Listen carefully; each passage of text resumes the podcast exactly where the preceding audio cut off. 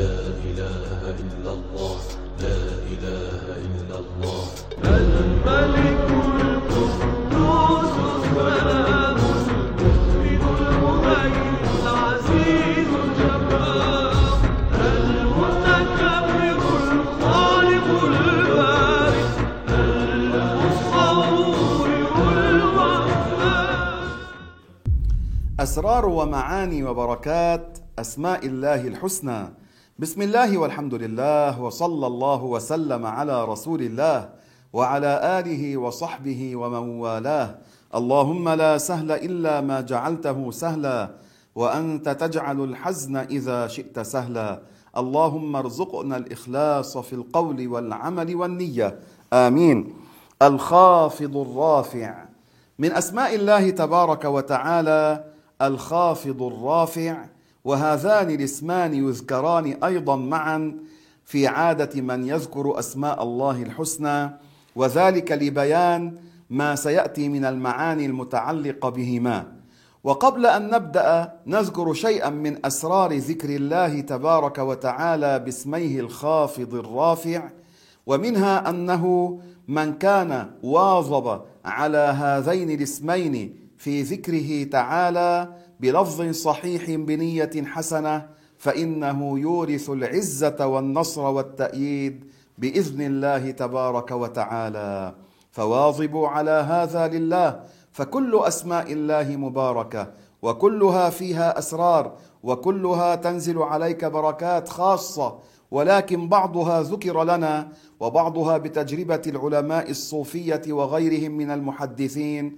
فلا تتركوا هذا الخير واسلكوا الأسباب فإن طلب الأسباب لا يتنافى مع التوكل على الله عز وجل. الخافض الرافع هو الذي يخفض من يشاء فيجعلهم من الذين ينزل عليهم البلاء في الدنيا. رفع الله تعالى قرى قوم لوط بريشة من أجنحة جبريل جبريل رفعها وأهلكهم الله. أغرق فرعون وجنوده وكانوا من المغرقين. أغرق قوم نوح بالطوفان الذين كفروا بالله وبسيدنا نوح. فالله تعالى يخفض من يشاء ويرفع من يشاء. والرفع هو بإنعام الله وإحسان الله. فالتقي رفيع المرتبة بالتقوى. والعاصي مخفوض بالدرجة بسبب المعصية. والعياذ بالله كم من متكبر كافر تكبر على الله وعلى رسول الله وهم أذلة. هذا أبو لهب عدو الله وعدو رسول الله. ما خرج مع المشركين في غزوة بدر كان مريضا ولكن لما بلغه ما حصل مات من الغم. حين عرف ما حصل بالكفار من جماعته. يروى عن ابن عباس رضي الله عنهما أنه قال فوالله ما عاش إلا سبع ليال يعني أبو لهب بعد غزوة بدر حتى ضربه الله تعالى فقتلته يعني هذه المصيبة التي أصابته هي شيء يصير من الغم والهم. فلقد تركه ابناه ليلتين أو ثلاثة ما يدفناه حتى أنتن. طلعت ريحته. فقال رجل من قريش لابنيه ألا تستحيان؟ إن أباكما قد أنتن في بيته. فقالا إنا نخشى هذه القرحة. وكانت قريش يتقون هذا المرض كما يتقون الطاعون. فقال رجل انطلقا فأنا معكما. قال فوالله ما غسلوه إلا قذفا بالماء عليه من بعيد.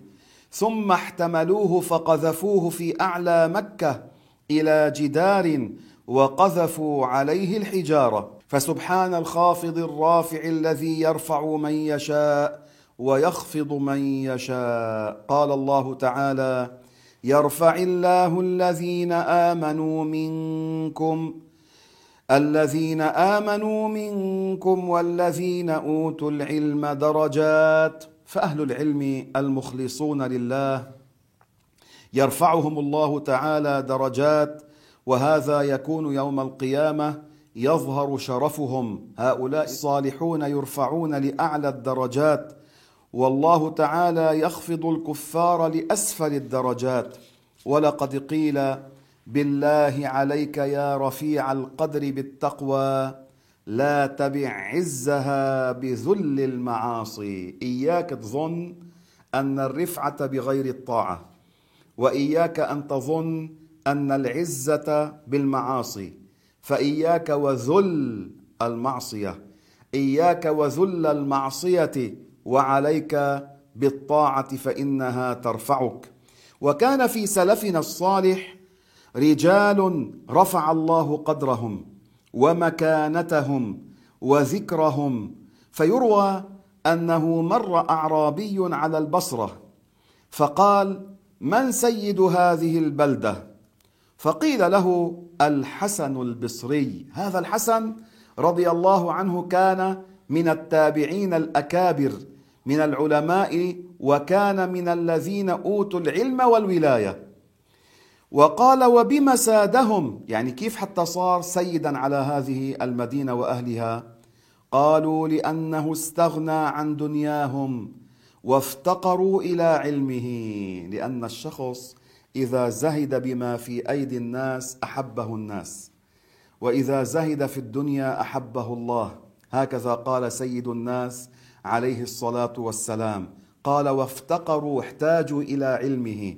عطاء رضي الله عنه كذلك كان من التابعين.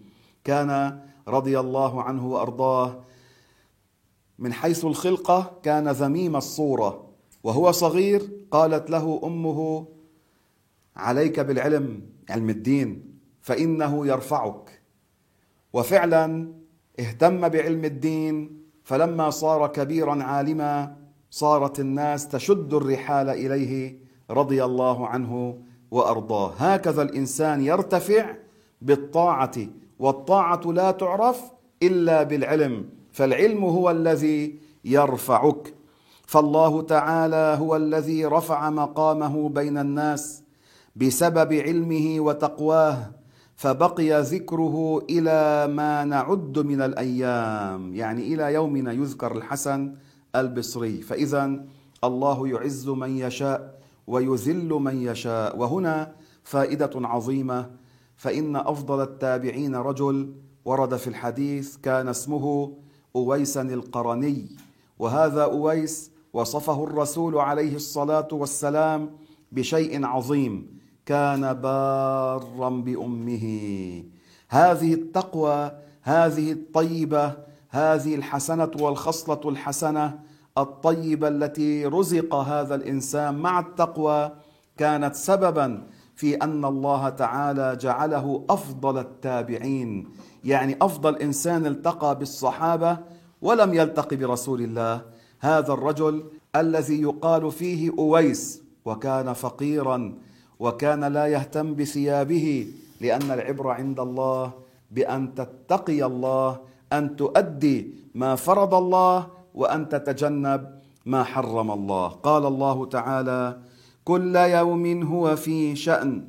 معناه الله تبارك وتعالى يغير في المخلوقات من غير أن يتغير. انتبهوا هالعبارة اللي بيقولوها الناس حلوة كتير. سبحان الذي يغير ولا يتغير هذه كلمة طيبة. كل يوم هو في شأن. النبي شرحها عليه الصلاة والسلام فقال من شأنه أن يغفر ذنبا. إذا التغير حاصل بمين؟ بالمخلوقات. ليس في الله. من شأنه أن يغفر ذنبا. ويفرج كربا. ويرفع قوما. ويضع آخرين. اللهم يا رافع المتقين والصالحين. ارفع درجتنا في الجنة يا كريم وآخر دعوانا أن الحمد لله رب العالمين. لا إله إلا الله لا إله إلا الله. الملك القدوس السلام.